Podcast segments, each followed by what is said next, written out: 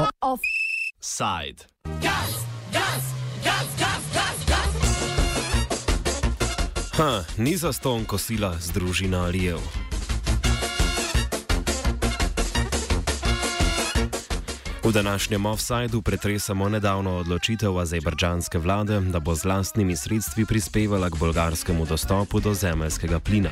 Azerbajdžan z Evropsko unijo trenutno sodeluje pri gradni južnega plinskega koridorja, plinovoda, ki bo potekal od Kaspijskega morja skozi Turčijo do Italije in bo povezal sedem držav. Glavno omrežje plinovoda ne bo potekalo skozi Bolgarijo, bo pa pomožne veje po njenem ozemlju, bodo pa pomožne veje po njenem ozemlju povezale južni plinski koridor tudi z ostalimi državami Zahodnega Balkana.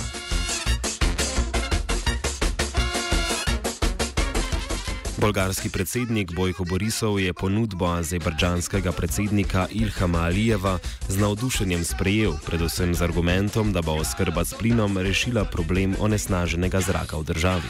V Bolgariji ima dostop do plina trenutno okoli 3 odstotke prebivalstva, velika večina pa svoje domove ogreva z lesom in premogom. Sofija je zaradi tega najbolj onesnažena evropska prestolnica. Evropska unija gradnjo plinovoda zagovarja z zmanjševanjem odvisnosti od ruskega plina, ki ga bo vsaj deloma nadomestil azerbajdžanski. Lani septembra je raziskovalna mreža novinarjev razkrila, da so evropski politiki, med njimi člani Sveta Evrope in nekateri evropski poslanci, od Azerbajdžana prejemali podkupnine za olepševanje podobe te kavkaške države na evropski ravni.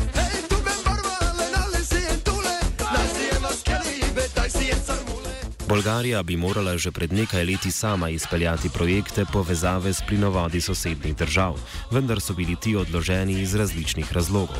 Med evropskimi državami je Bolgarija prva, ki se je že pred desetimi leti zavezala k nakupu desetih milijard kubičnih metrov azerbajdžanskega plina na leto po izgradnji in povezavi z južnim plinskim koridorjem. Na državni ravni je odločitev, da Bolgarija sprejme azerbajdžansko ponudbo, po mnenju Genadija Kondareva iz nevladne organizacije. Organizacije Bankwatch nespametna. Basically, Azerbaijan is pushing for um, some projects that have been delayed for years. These are the interconnections between Bulgaria and the neighboring countries. And as a person who is observing the Bulgarian energy sector, I would say these projects are indeed very important for Bulgaria, but in the same time, um, the promise comes with the idea that um, they would try to develop further gas infrastructure in Bulgaria with their own finance, which, I mean, there is no free lunch with the family of Aliyevs, I would say. So um, I would never, never agree that Bulgaria would accept uh, such a, such a present because pro- most probably that's just a Trojan horse uh, that will lock in the country in further dependency when it comes to uh, when it comes to imports of gas.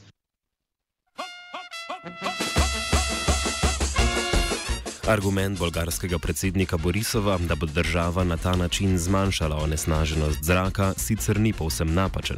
Kondarev pa povdarja, da državna politika onesnaženost pogosto izrablja kot argument v prid zemeljskemu plinu, ki ga predstavlja kot edino legitimno rešitev, pri čemer pa pozablja na dolgoročne podnebne cilje.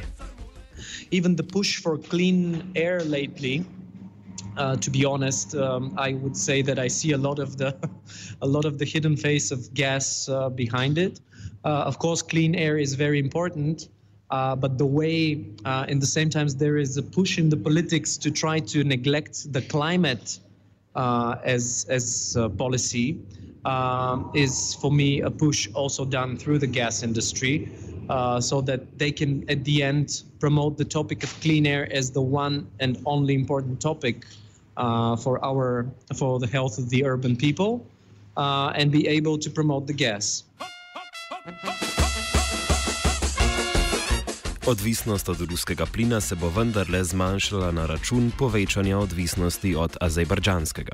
Although it looks like a diversification, we are just uh, um, splitting the the amount of money that we are giving between Russia and Azerbaijan when it comes to imports of gas. And I don't think that this is a proper solution for the region.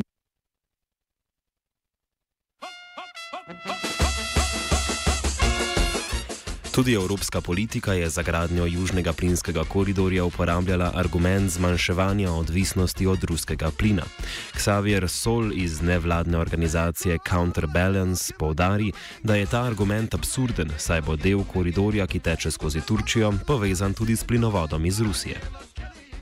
Because the Southern Gas Corridor, from the beginning, from the EU perspective, has been portrayed as one um, one way to to um, basically reduce um, the, the dependence from Russian gas. Uh, but here, what is quite striking is that actually um, the Turkish stream, which is another pipeline uh, which has been agreed between Turkey and Russia, would actually end up um, at the point of connection between the two different sections of the Southern Gas Corridor. So at the end of the day, you may have Russian gas flowing within the Southern Gas Corridor which is um, in complete contradiction with the initial uh, objective with the pipeline.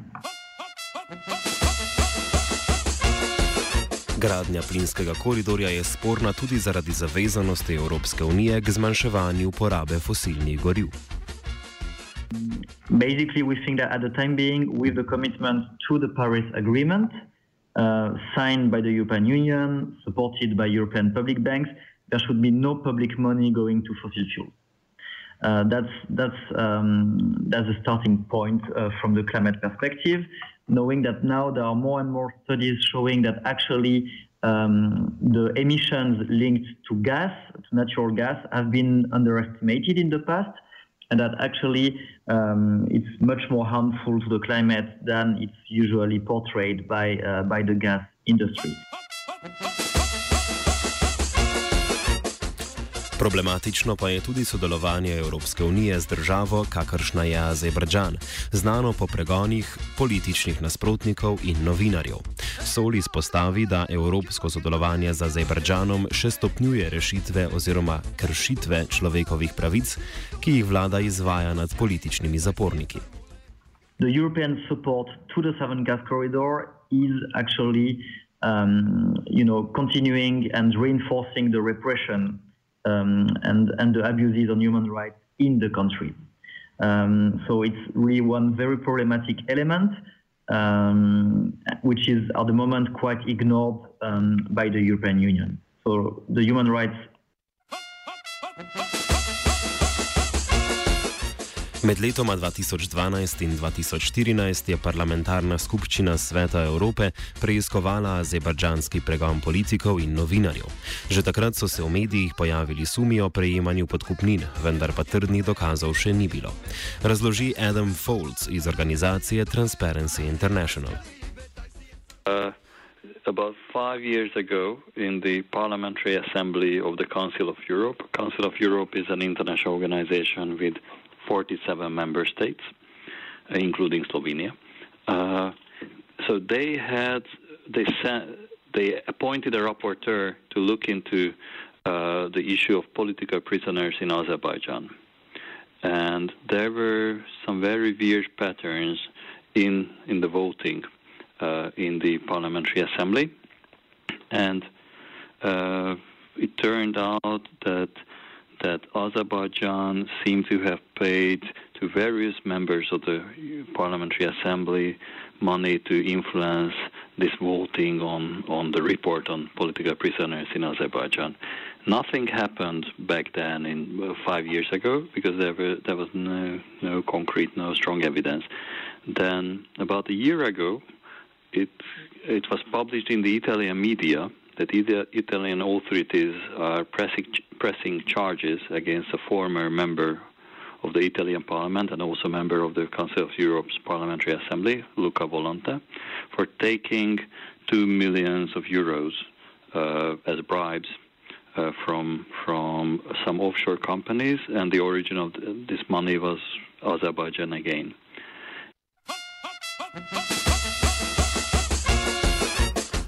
Septembra lani je mreža raziskovalnih novinarjev OOCR s pomočjo razkritih podatkov iz banke Danske objavila 17 tisoč dokumentov, ki so pokazali na sumljive transakcije v višini 2 milijard evrov, ki so bili iz Azerbajdžana nakazani na evropske račune. Novinari so uspeli razkriti, kam se je s pomočjo podjetij v davčnih oazah zlilo 300 milijonov od teh 2 milijard. Azerbajdžansko pralnico denarja razloži Folds. And then last year, uh, early September, the OCCRP, this is a network of investigative journalists, they broke a story that built on a major leak of 17,000 banking transactions. Uh, there were four uh, uh, shell companies based in the United Kingdom that had bank accounts in Estonia, uh, in a bank uh, which is in, in the su- subsidiary or in the subsidiary or in the in the Estonian branch of the biggest Danish commercial bank Danske Bank, and they found out from these transactions that there were 2.5 billion euros uh, that went through these offshore companies, through the accounts of these offshore companies or, or, or shell companies, and some of some amounts, uh, so not the entire 2.5 billion, landed on the bank accounts of various politicians. Septembrsko poročilo prejemanja podkupnin bremeni evropske poslance iz Belgije, Nemčije in že prej omenjene Italije. Uh, there are corruption allegations against a former member of parliament and current member of parliament in Belgium. Also in Germany, a former member of parliament and, and current member of parliament received money. Uh, uh, the the Italian, the former member of the Italian parliament I mentioned, also received money from uh, these bank accounts. Uh, some journalists uh, and and other opinion leaders, and also the the Bulgarian uh, director of the European Bank of Reconstruction of De- uh, Reconstruction and Development. Uh, these transfers, so there's no case so far where it has been proven in court that these were bribes. In Italy, there are already charges, and in other countries, like in Belgium, there are ongoing investigations to see what these transactions were. Oh. Boljše povedati dvakrat kot nikoli. Na seznamu očrnjenih politikov pa se je znašel tudi naš nekdani poslanec v državnem zboru. Slednji je v letih 2005, 2010 in 2013 nadziral azerbajdžanske parlamentarne volitve. Od azerbajdžanskega podjetja Metastar je leta 2012 prejel 25 tisoč evrov nagrade, ob zmagi predsednika Alijeva pa je dejal, da je dosegel veliko uspehov in da prejema ogromno podporo ljudstva. His name is Mago Jelenčić Plemeniti.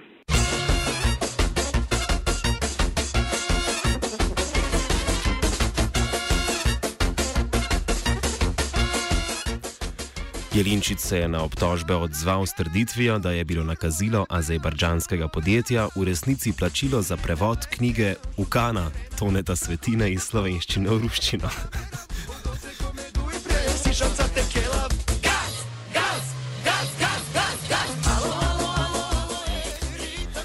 Azerbajdžanska pravnica denarja je služila predvsem izboljševanju azerbajdžanske javne podobe v Evropski uniji.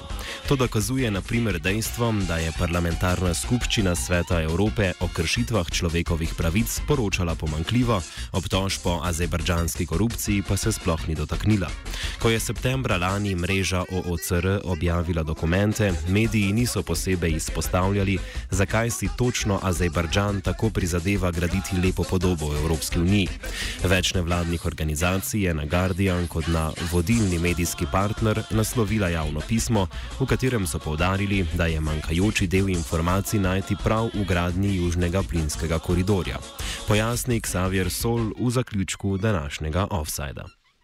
What we are saying is that at the moment, you know, the, when the laundromat uh, story appeared, um, there was not so much context given, you know, about what are at the moment the key elements, especially in the economic field, that are being discussed between Azerbaijan and the EU. So, of course, there is the overarching, let's say, political discussion about the new agreements between the EU and Azerbaijan. But in economic terms, um, and let's say one of the key projects, you know, that is really um, uh, being an overarching one is the Southern Gas Corridor. Uh, and it's the willingness of the European Union to uh, access gas from Azerbaijan. And we thought that, you know, th- this was um, simply ignored in the, um, in the investigation around the, the, the laundromat, while we think that there is room to, to, to think about the connections in this regard.